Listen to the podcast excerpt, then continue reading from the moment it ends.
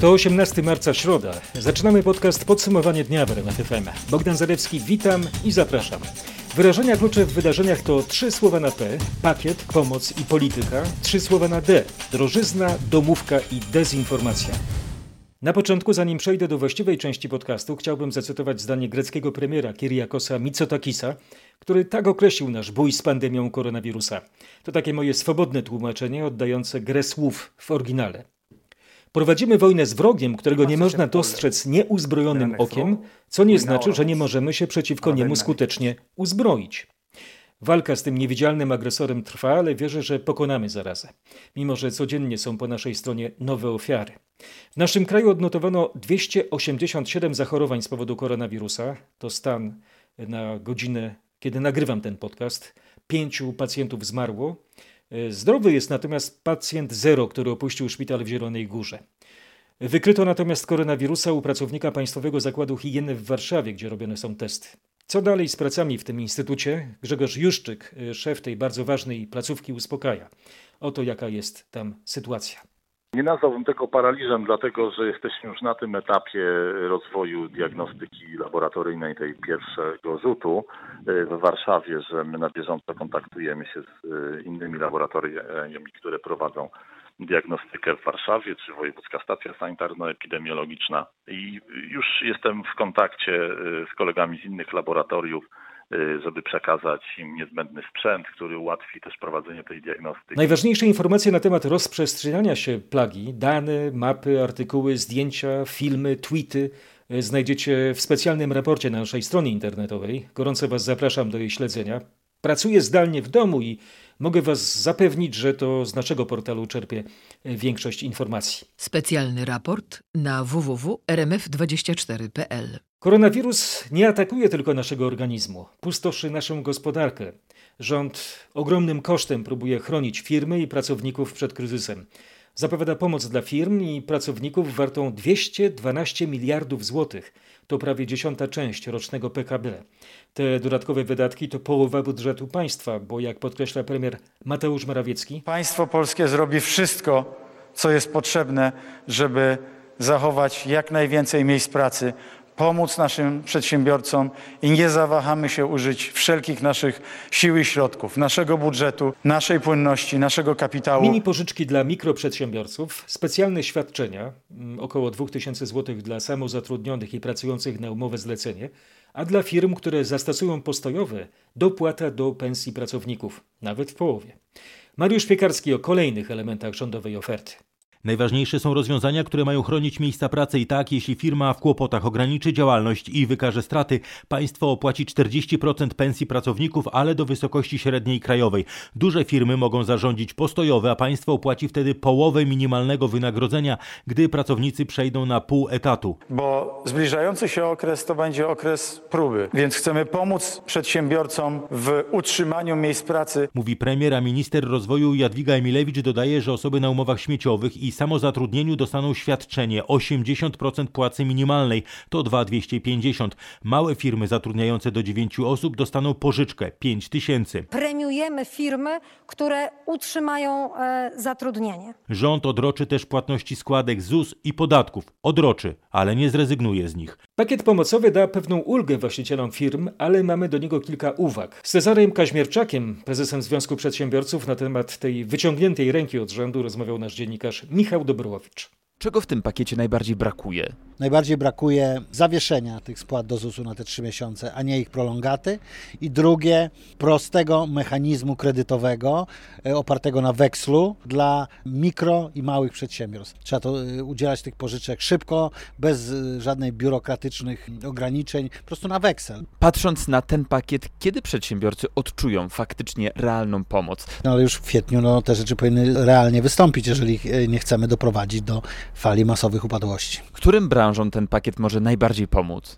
Mówimy to o restauracjach, mówimy to o branży hotelarskiej, branży wynajmu krótkoterminowego, branży transportowej. I to może być faktycznie realna pomoc dla nich? No jeżeli y, rząd tutaj zamierza przejąć przez ARP część y, rat leasingowych dla nich, to to realnie im pomoże, branży transportowej. Przez cały dzień rejestrowaliśmy reakcje na założenia pakietu antykryzysowego przedstawione przez prezydenta Andrzeja Dudę i premiera Mateusza Morawieckiego. Po spotkaniu Rady Gabinetowej. Czy prowadzący działalność e, czują się po tych zapowiedziach uspokojeni? Nasza reporterka Magdalena Greinert e, zapytała Klaudię Budny, restauratorkę z Łodzi. Premier powiedział, że najważniejszą rzeczą, która może teraz nas wszystkich ochronić, to co starają się e, robić, to jest nadzieja. Jak ja to usłyszałam, to nie będę ukrywać, czuję się lekko, lekko mówiąc, zmieszana. Nie wiem, po, po tym, co przed chwilą usłyszałam, jak, jak obecny rząd planuje wesprzeć przedsiębiorców oraz osoby pracujące, które w tym momencie zostały bez pracy, mimo wszystko czuję się niepewnie. Czuję się niepewnie, ponieważ wszystko było e, opowiedziane em, bardzo lakonicznie, bez bardzo konkretnych szczegółów. E, Mam nadzieję, że na stronach konkretnych instytucji bę- będziemy mogli dowiedzieć się więcej. E, Natomiast jak zaczęłam się już w to szybciutko zagłębiać, to niestety są kruczki. Dzisiaj rząd to potwierdził, że faktycznie można tych składek ZUS-owskich nie płacić. Natomiast jak weszłam na, na stronę ZUS-u i już różnych osób wypowiadających się na ten temat, to wiemy, że każdy y, z przedsiębiorców taki wniosek może złożyć. Natomiast y, nie jest powiedziane, że ZUS się do tego przychyli i może się okazać, że my tej ulgi nie otrzymamy wcale. Kolejna rzecz to możliwość skorzystania z pożyczki do 5 tysięcy złotych. Tak, jest taka możliwość, e, mikropożyczki dla przedsiębiorców, em, uproszczone formalności, jeśli chodzi o leasing operacyjny i różne gwarancje finansowe. Bardzo się z tego cieszę. Jestem tylko ciekawa, jak to będzie wyglądać już faktycznie w praktyce. Tarcza antykryzysowa jest malutka. Tę małą tarczę przedstawił premier. Trzeba ją poszerzyć. Tak na propozycje rządu mające zwalczyć gospodarcze skutki epidemii reaguje lider PSL. Władysław Kosiniak-Kamysz, podobnie jak prezydencka kandydatka Koalicji Obywatelskiej Małgorzata Kidawa-Błońska, mają własne pomysły na pakiet pomocowy dla przedsiębiorców i pracowników. Tomasz Skory streści, jakie są różnice. We wcale nie tak drobnych szczegółach Władysław Kosiniak-Kamysz wytyka rządowi pominięcie potrzeb rolnictwa i samorządów. Chce też nie jak rząd tylko odroczenia, ale umorzenia podatków i składek, których podatnicy nie są w stanie spłacać. Lider ludowców także żąda. przez najbliższe miesiące dla tych, którzy utracili możliwość zarobkowania, których firmy wpadły w tarapaty. Minimalne wynagrodzenie wypłacane z Funduszu Pracy. To dokładnie dwa razy więcej niż proponuje kandydatka PO, mówiąca w tej sytuacji o połowie płacy minimalnej. Małgorzata Kidawa-Błońska chce też podnieść wynagrodzenie za czas choroby. Nieobecność w pracy spowodowana chorobą czy kwarantanną powinna być jednak przez ZUS płacane w 100%. Tutaj nie można ograniczać dochodów ludzi. Obie partie przekazały swoje propozycje premierowi. Liczą na ich uwzględnienie w projektach ustaw zapowiedzianych dziś przez rząd. Dla porównania, jak się to robi na Wyspach Brytyjskich? Sprawdźmy. Rząd premiera Borysa Johnsona ogłosił w środę nadzwyczajny pakiet pomocowy o wartości 330 miliardów funtów, dzięki któremu firmy mogą przetrwać skutki pandemii. Bogdan Frymorgan opowie o ofercie w Londynie. Suma jest naprawdę olbrzymia. Zostanie rozdysponowana na zasadzie pożyczek, które będą musiały zostać zwrócone i to z oprocentowaniem. O kredyty mogą ubiegać się wszystkie firmy, które dotknięte zostały obecnym kryzysem. Dodatkowe 20 miliardów funtów rząd przeznaczył na bezzwrotne granty dla małych przedsiębiorstw do kwoty 25 tysięcy. Ludzie borykający się ze spłacaniem kredytów hipotecznych mogą także liczyć na trzymiesięczne odroczenie. Bezprecedensowy w tym rozmiarze pakiet spotkał się także z krytyką. Nie bierze on bowiem pod uwagę ludzi, którzy już utracili pracę i tych wynajmujących e, mieszkania oraz pracujących na umowach śmieciowych. Rząd zapewnia, że to dopiero pierwsza odsłona tej długoterminowej pomocy. Prowadzone na odległość dyskusje polityczne, także w sprawie pakietu antykryzysowego, to w naszym kraju element kampanii. Kampanii prowadzonej w ekstremalnych warunkach. Uczciwe i rzetelne wybory prezydenckie w obecnej sytuacji nie są możliwe do przeprowadzenia. Tak przekonuje w RMFFM Rzecznik Praw Obywatelskich. Adam Bodnar zwraca uwagę, że wybory to nie tylko sam moment głosowania. Chodzi o to, czy my w tym czasie jesteśmy w stanie przygotowywać się do wyborów, czyli czy kandydaci mogą prowadzić kampanię wyborczą, czy my jako obywatele możemy zapoznawać się z ich poglądami, czy możemy uczestniczyć w wiecach, w zgromadzeniach. Pana zdaniem, czy, możemy dzisiaj mówić o zapisanej w Konstytucji zasadzie równości wyborów prezydenckich? No nie, absolutnie nie ma tutaj, nie możemy, y, jest, jest sprzeczność. Adam Bodnar w rozmowie z Marcinem Zaborskim. I w tym przypadku oczywiście zachęcam gorąco do zapoznania się z całym wywiadem na naszej stronie internetowej. Zobacz to na www.rmf24.pl. A teraz odchodzimy od polityki i całej tej dodatkowej chorej otoczki zjadliwego koronawirusa. Koronawirus nie został sztucznie stworzony w laboratorium, ma naturalne pochodzenie, przekonuje Międzynarodowy Zespół Naukowców. W ten sposób ucina plotki, że do powstania wirusa mogły doprowadzić jakieś genetyczne eksperymenty. O szczegółach tych doniesień opowie Grzegorz Jasiński. Y, na RMF24.pl Grzegorz pisze więcej na ten temat. Y, przeczytajcie, a teraz posłuchajcie.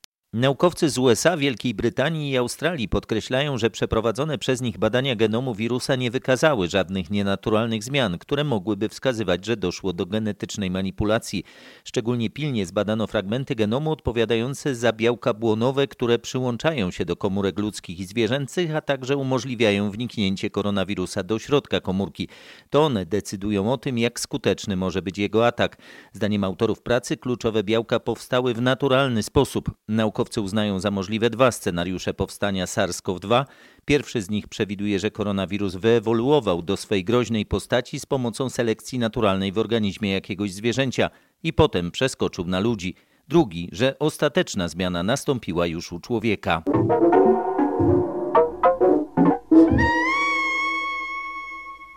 Rosyjskie media wykorzystują pandemię koronawirusa, by siać zamęt, nieufność, a nawet wywołać panikę w Europie Zachodniej.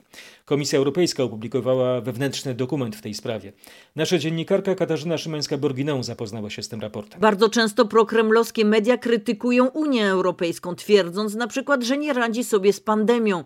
Inną formą rosyjskiej dezinformacji jest nucie katastroficznych scenariuszy, aby zdestabilizować opinię publiczną. Prokremlowskie media wprowadzają zamęt w celu zaostrzenia zaostrzenia kryzysu zdrowia publicznego w krajach zachodnich, w szczególności poprzez podważanie zaufania publicznego do krajowych systemów opieki zdrowotnej.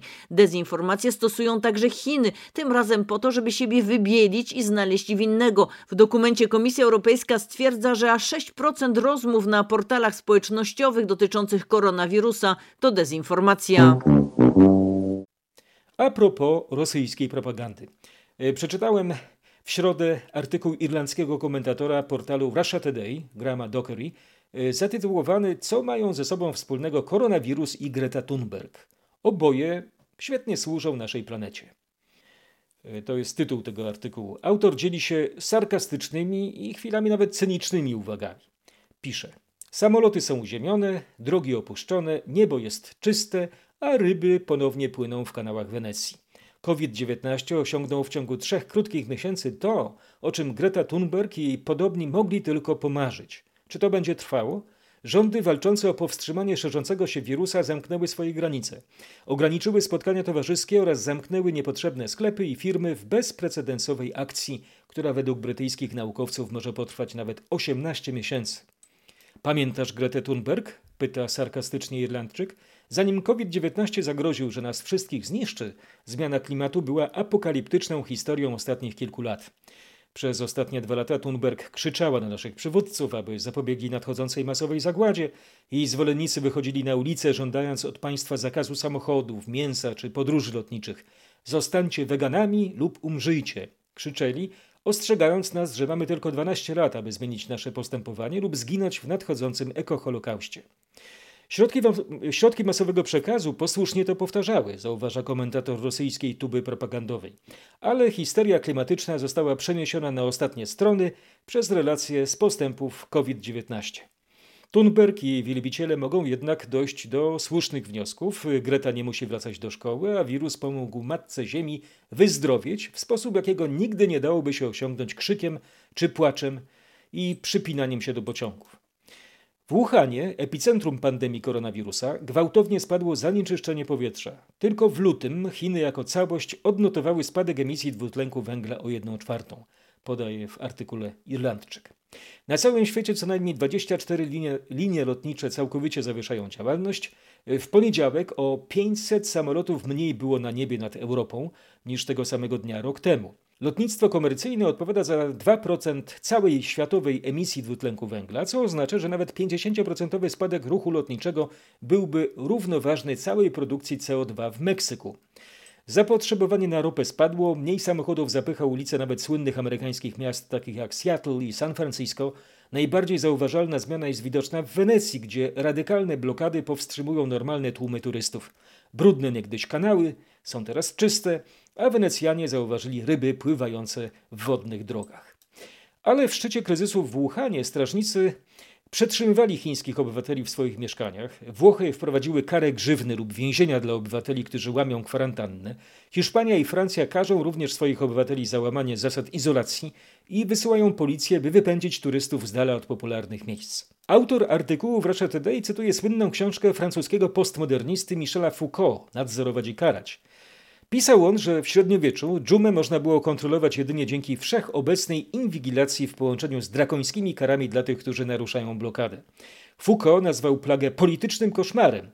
Y, dała ona potężne uzasadnienie dla uregulowania najmniejszych szczegółów życia codziennego. Czytamy w artykule Russia Today, a teraz przejdźmy do innych informacji agencyjnych.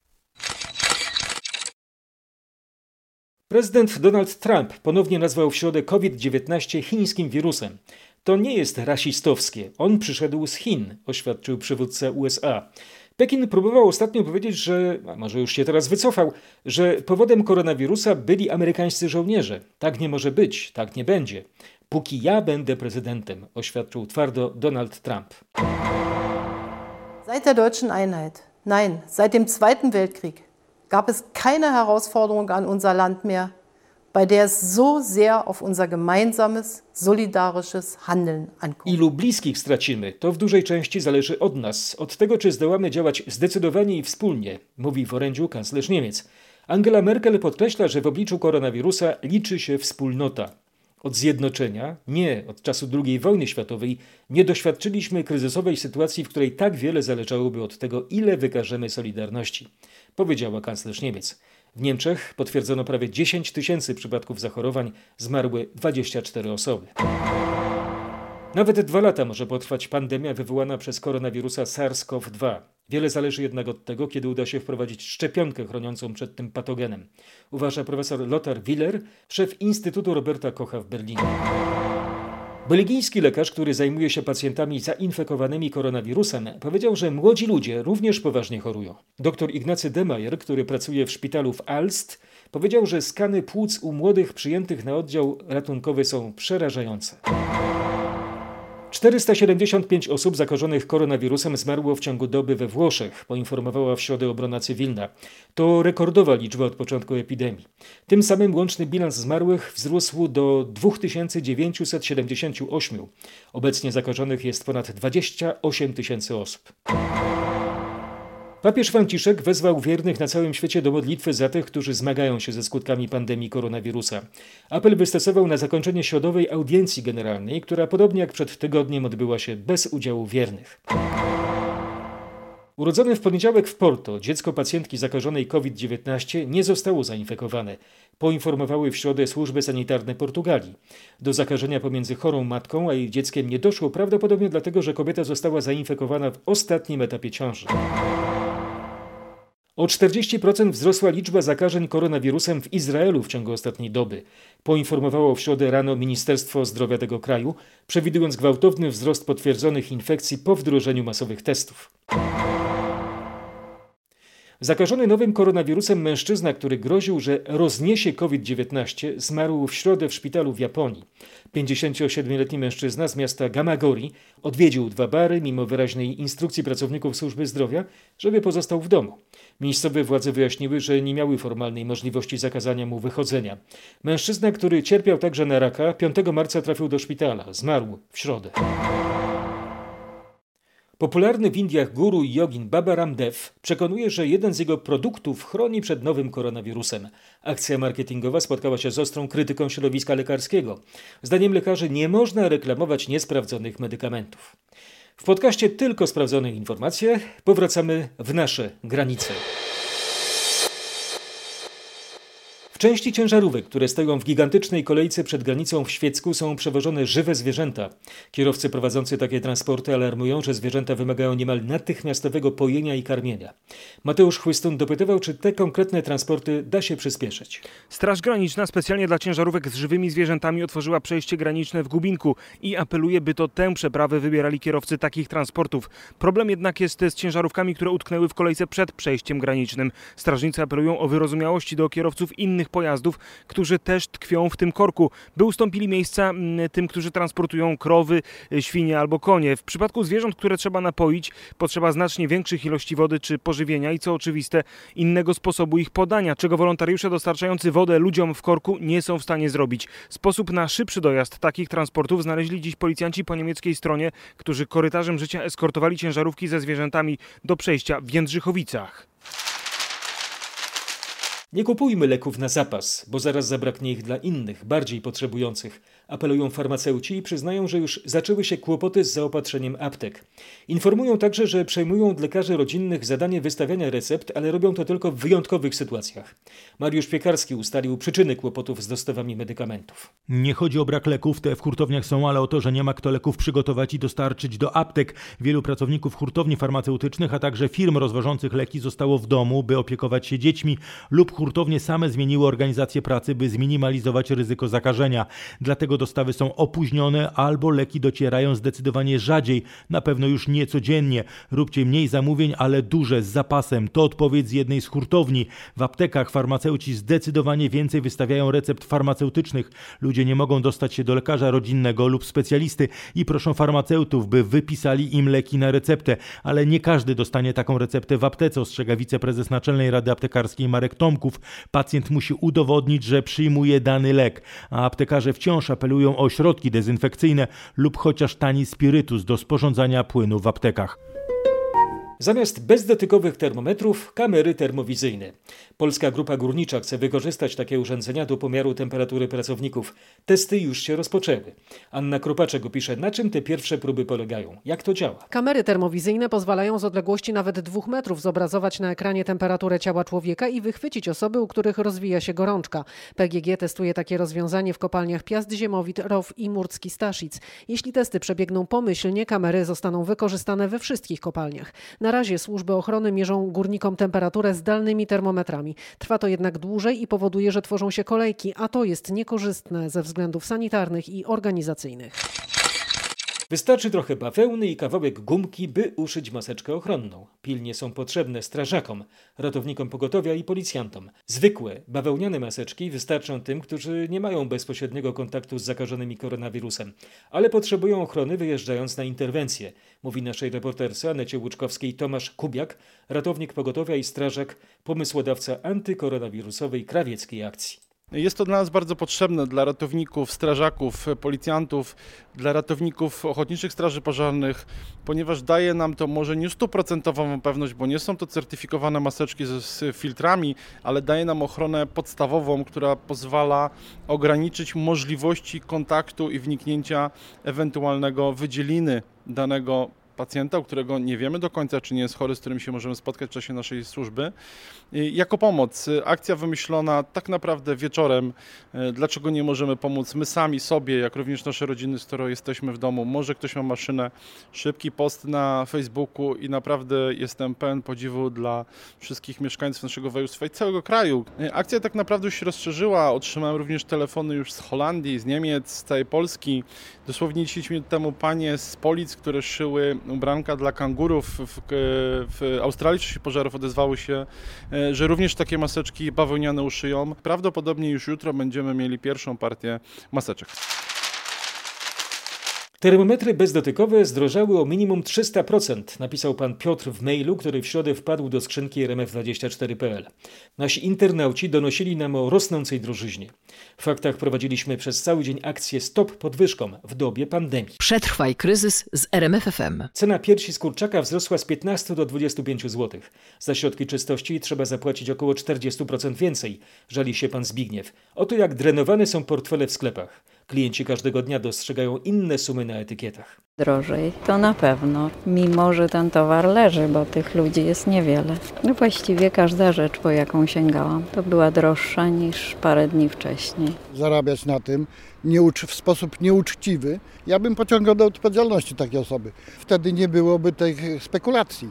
No to jest nieetyczne, no, no, na pewnych rzeczach nie można zarabiać. Nie wiem, czy spotka Pan osobę, która powie, że to jest fajne, tak, windowanie takich cen. Pewnych rzeczy się po prostu nie robi. Kupujący twierdzą, że najbardziej podrożało mięso i cytryny. Urząd Ochrony Konkurencji i Konsumentów zaczął monitorować sytuację.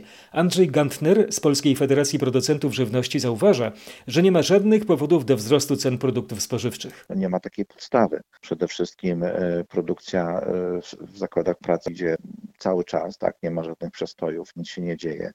E, Zapasy również są na magazynach, więc trudno teraz trzeba by dokładnie sprawdzić, w którym miejscu tak naprawdę no, generowana jest ta podwyżka. Osoby potrzebujące, które przebywają na kwarantannie, mogą już uzyskać pomoc żywnościową z unijnego programu prowadzonego m.in. przez banki żywności. Krzysztof Zasada wyjaśni, na czym to wsparcie będzie polegało. Sanepid ma informować lokalne ośrodki pomocy społecznej o osobach objętych kwarantanną. Ośrodki weryfikują, które osoby takiej pomocy potrzebują. Następnie na podstawie listy organizacji deklarujących pomoc żywnościową, ośrodki pomocy zwracają się do jednej z takich organizacji o konkretne produkty. Pomoc w dystrybucji można uzyskać od policji, jednostek straży pożarnej czy żołnierzy obrony terytorialnej. Podcaście słowem kluczem jest pomoc. Posłuchajcie ponownie o tej finansowej. O możliwość zawieszenia spłaty rat kredytu pytał w środę Michał Zieliński. Można to załatwić bez wychodzenia z domu. Na stronach internetowych banków są już odpowiednie formularze do wypełnienia. Ekspert Marzena Kucharska mówi, że można uzyskać zawieszenie spłaty części albo całości rat. wakacje kredytowe albo odroczenie spłaty tylko raty kapitałowej. W zależności od tego, co klient, y, czego klient będzie potrzebował. Mówiąc klient, ma pani na myśli kogo? To znaczy, kogo dotyczy ta ulga? Y, Dotyczy to zarówno klientów indywidualnych, czyli wszystkie osoby, które posiadają kredyty gotówkowe bądź kredyty mieszkaniowe, ale również klientów y, firmowych, czyli osoby, które prowadzą, y, prowadzą swoje działalności gospodarcze. Czy jakaś opłata będzie pobierana od tego procesu? Nie, nie będziemy pobierać żadnych opłat. Na jak długi czas można uzyskać takie zwolnienie?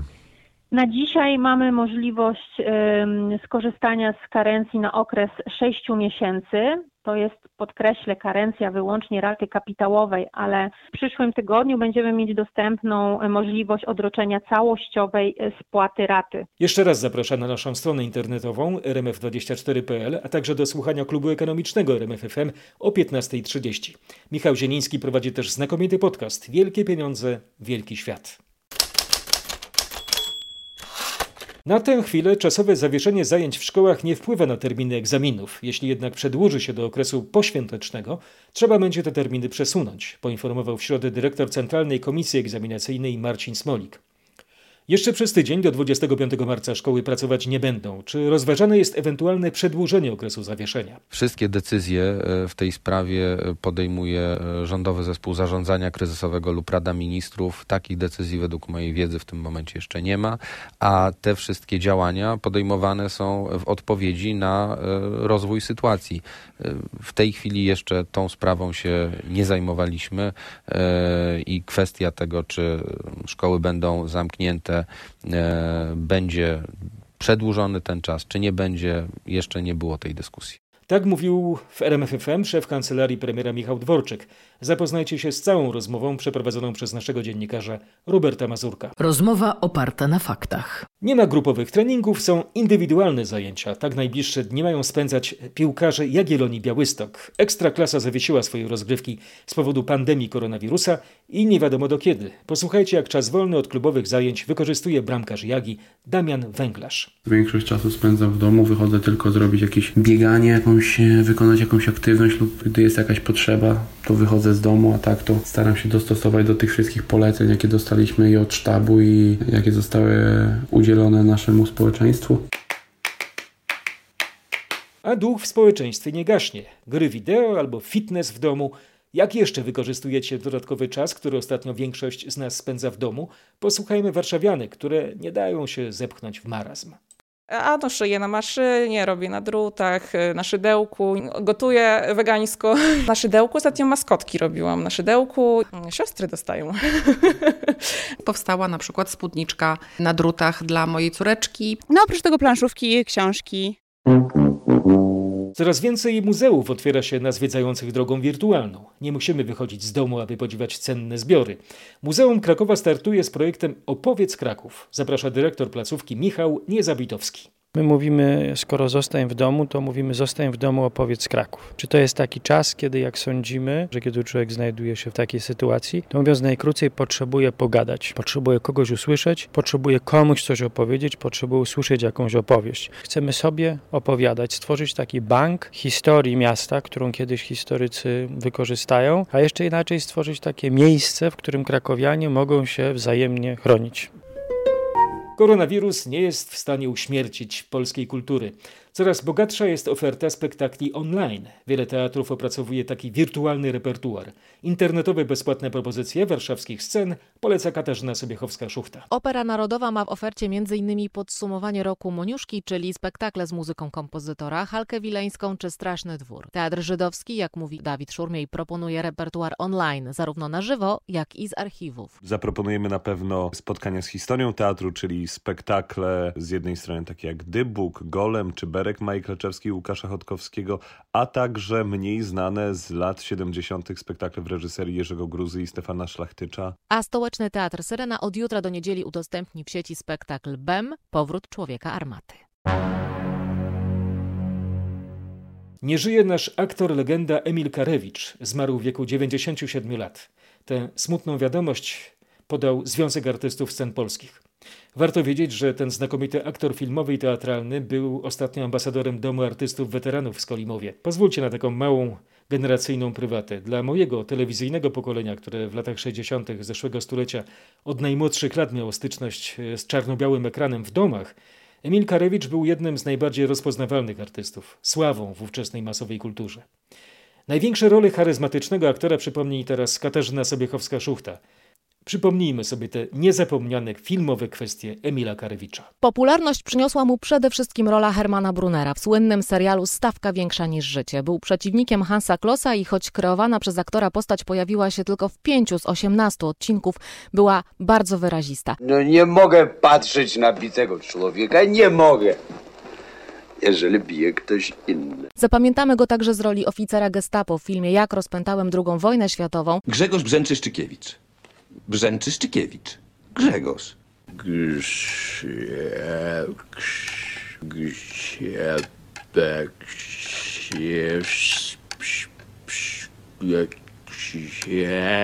Brzęczyszczykiewicz.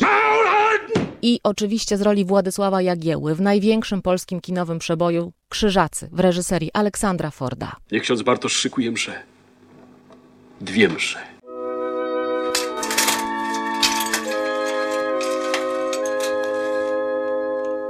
Jestem pewien, że koronawirus będzie miał swój Grunwald. Bardzo Wam dziękuję za uwagę. To był podcast Podsumowanie dnia w RMF FM. Dużo, dużo, dużo zdrowia Wam życzę. Bogdan Zalewski.